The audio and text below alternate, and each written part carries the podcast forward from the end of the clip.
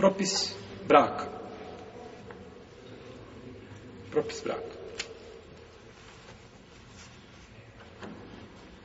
Ulema ili muslimani, kako hoćete, braću. Mi kada kažemo složni su muslimani, mislimo na koga? Na, na ulemu, protiv kada tiše od muslimana do muslimana ispitivoga njegova mišljenja.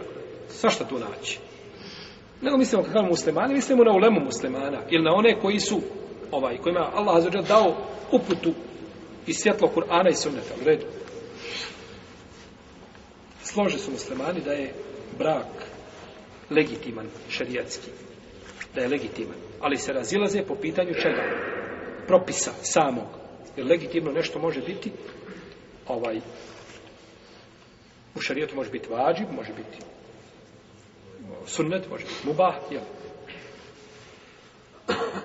Jedan dio u Leme kažu da je brak vađib,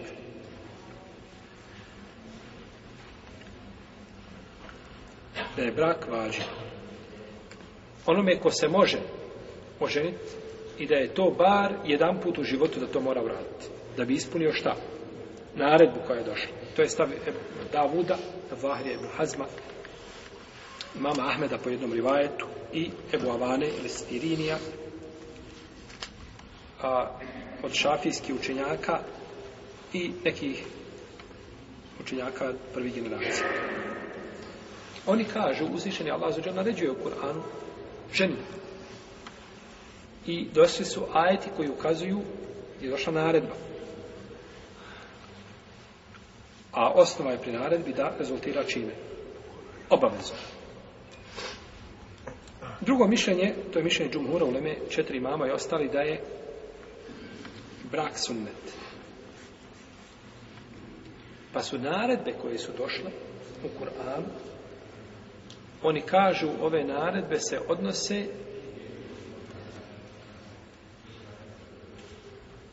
na mustahab. Nisu znači kategoričke prirode, nego su prirode da su naredbe neobavezujuće. Kaže uzvičen Allah, te barak kaže u Kur'anu, Fenkihu ma tabe lekum minan nisa. Ženite od onih koji ste odabrali od žena, koje vam se dopadaju, čije, koje volite, Znači, ako nisi odabro, ako se ne dopada, pa se ne oženi, šta? Nisi griješan. I nakon toga kaže, mesna u asulata u ruba, sa po dvije, sa po tri i sa po četiri. A ženiti se sa po dvije i sa po tri i sa po četiri, višeženstvo nije vađib kod sve uleme. Jer u redu, pa kaže onda ni ženitba nije šta? Vađib. No, međutim, ovi učenjaci koji kažu da je vađib, oni kažu, jeste to ma fa belekom, ono što vam se dopada, odnosi se na više ženstvo. A drugo je šta? Jedna, to je minimalna granica. Bez čega ne može šta proći. A više od toga to je, jel, to je dobrovoljno.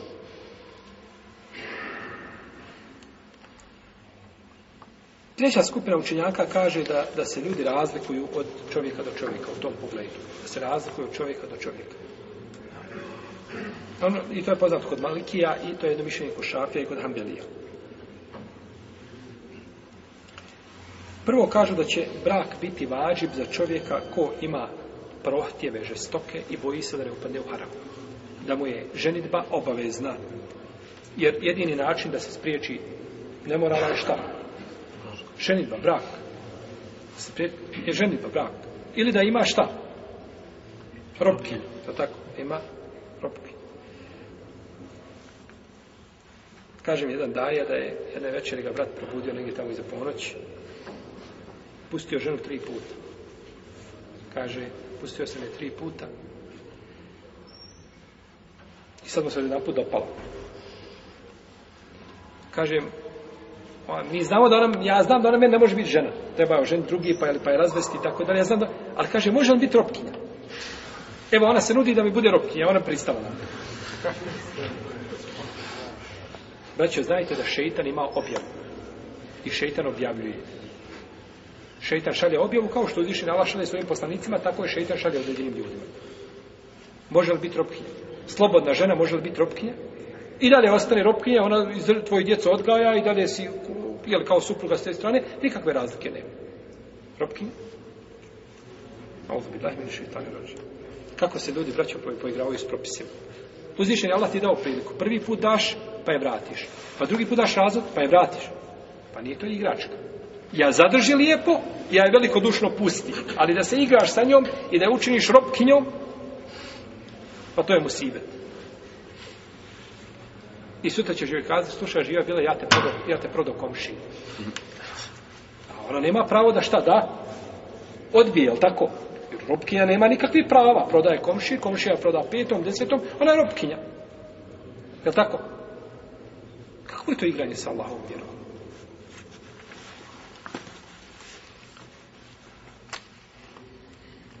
Pa ovdje ne može čovjek, je vađib, ne može svoje šehvete obuzdati osim čime? Brakom. A sve bez čega se ne može upotpuniti vađib, biva šta? Biva vađib. Pa je ženitba u tom slučaju vađib bez sumnje. Dalje, može biti mustahab čovjeku koji ima šehvete, potrebe za ženu, no međutim ne boji se nemorala, može trpiti, ima ljudi, mogu se burati. Nije to je njemu regionalni destici prioriteta dole negdje. Jel u redu? i ne boji se za sebe i obara pogled, takvo mi je mustahab i lijepo da se oživi. Imamo nekru da čovjek se boji da neće biti pravedan prema ženu u potpunosti, ali neće biti nepravda u smislu udaranja, vrijeđanja, nego nepravda znači koja bi se donekle mogla podnijeti. To, tom čovjeku bio mekru da se ženi. Jer, si, jer ćeš biti ne, nepravda ćeš činiti toj ženi imamo da bude haram, to je da čovjek čini osnovna, znači da, ne znam, da je fizički zlostavlja, verbalno nije bitno, ili da je ne može izdržavati, ili da ne može, znači, uh, ispunjavati svoje, znači, ovaj, potrebe, njegove, znači, obaveze prema njoj i tako dalje. Takav čovjeku, znači, je brak zabranjen.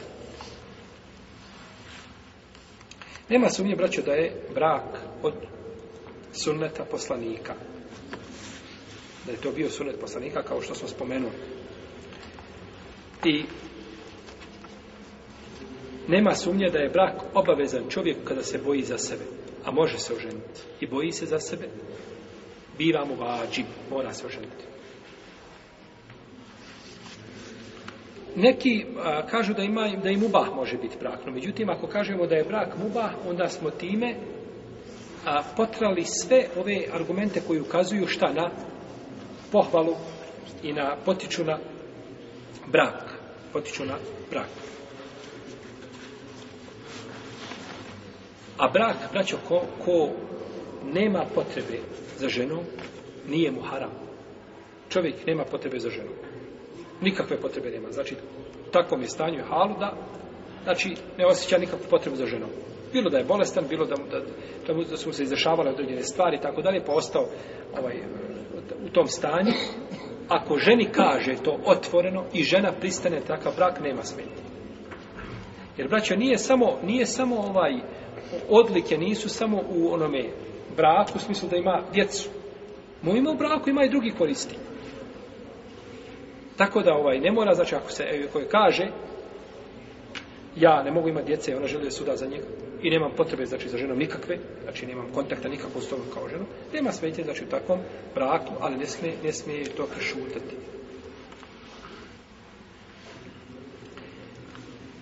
Kažu neki, i to je dobro autor, da ženi nije obaveza da se udaje. Mi smo govorili o propisu ženi bez za koga? Muškarca. Ženi kažu nije obaveza takva kao muškarcu. I nema sumnje, braće, da se žena razlikuje u ovom pogledu od muškarca. Ima žena, mužu je preselio, poginuo, i ona neće suda. 10 godina, 15 godina, od 22. 3. godine do, do, do 40. godine, ne razmišlja o muškarcu. Ide, neko je ponudi brak od dvije, neće suda nikom. Ko beton? Čvrsta je. Ja tako. Muškarac dok mu preseli žena, šesti, sedmi dan, jel tako, već ga vidiš ide po ulicom i puše. Sam priča sa sobom. Mukam, to tako. A e, ne može, kao, brate, ne može se više ovako. Sedam dana prošlo. Do sadom, pa štete. Već u sedmom danu, jel tako? Žene su u tom pogledu drugačije. Žene su u tom pogledu drugačije. Kaže mu Said, da je čovjek u vrijeme poslanika sallallahu alejhi ve sellem došao u sedmi kutri kaže došao čovjek u vrijeme poslanika sallallahu alejhi ve selleme i doveo svoju kćerku kod poslanika sallallahu alejhi ve sellem kaže Allahu neće da se uda odbija neće da se udaje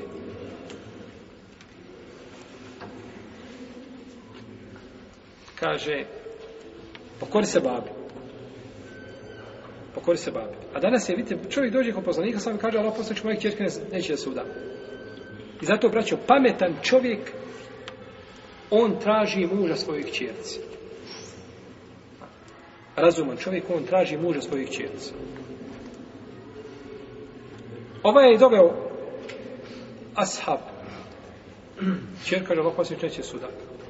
Kaže, pokori se babi. Kaže, ne, Allah posljednič kaže, neće dok me ne obavijesti šta su dužnosti žene prema muškarcu. Je, pogledajte ove, ove žene razumne, subhano. Hoću ja da znam u šta ja ulazim, taj ugovor što ja potpisujem, što on povlači za sobom. Dođe te, kaže, potpiši. Šta? Potpiši da ćeš mi biti žirant. Gdje ću ti biti žirant? Kakav žirant i šta to poteže za sobom? Ima li tu kamate? ima li tu prevare, ima li tu obmane, ima li tu, uh, e, je li to nekakva uh, ovaj, uh, trgovina koja je zabranjena šarijetski, hoće da znam šta potpisujem, ona hoće da zna šta, kakve su njene dužnosti kada uđe, ne znam, a jela da se udam, ala bereket illah, pa kako bude nakon toga? Kaže, šta su obaveze? Pa je kaže poslanik, sallallahu alaihi sallam, ovaj hadis već obilježi Bebi Šejbe i kaže šeha Albani za njega da je Hasanun Sahih. Da je znači hadis je rodostojan kaže je poslanik Osrame, dužnosti žene prema mužu su takve, da kada bi imao ranu, a u jednoj predaji se kaže kada bi imao ranu, ranu od glave do pete, pa ona lizala tu ranu dok ne zaraste, I onda kaže ovo i sad predaj ovdje od Ibne Biševi što je citiramo, kaže ili kada bi mu, kada bi mu iz nos drva, iz nosa teče mu krv ili, ili gnjoj. I ona to liže dok ne prestane ne bi mu dala njegovo pravo. Ne bi mu dala šta? Njegovo pravo. Ja ne znam ovaj hadis, žena muslimanka koja čuje ovaj hadis, i koža joj se na naježi sva, i ne može spavati cijelo veče, pitanje je koliko je ostalo njenog imana u njenom srcu. Kad čuje ovakvu prijetnju, je subhanallah, šta je na, na, na, na rani? Krv, sukrvica, gnjoj, to je na rani. Kako će to lizati? Ne, i to živa bila kad bi radila, nisu radila ono što trebaš raditi prema mužu. I onda vidiš Belaja, šta se dešava, i vidiš kako se žene opode prema muževima, kao da je to čoban sa ledine, prolazi pored kuće ili prosijak i ti ga odbiješ da ide dalje. Ništa drugo.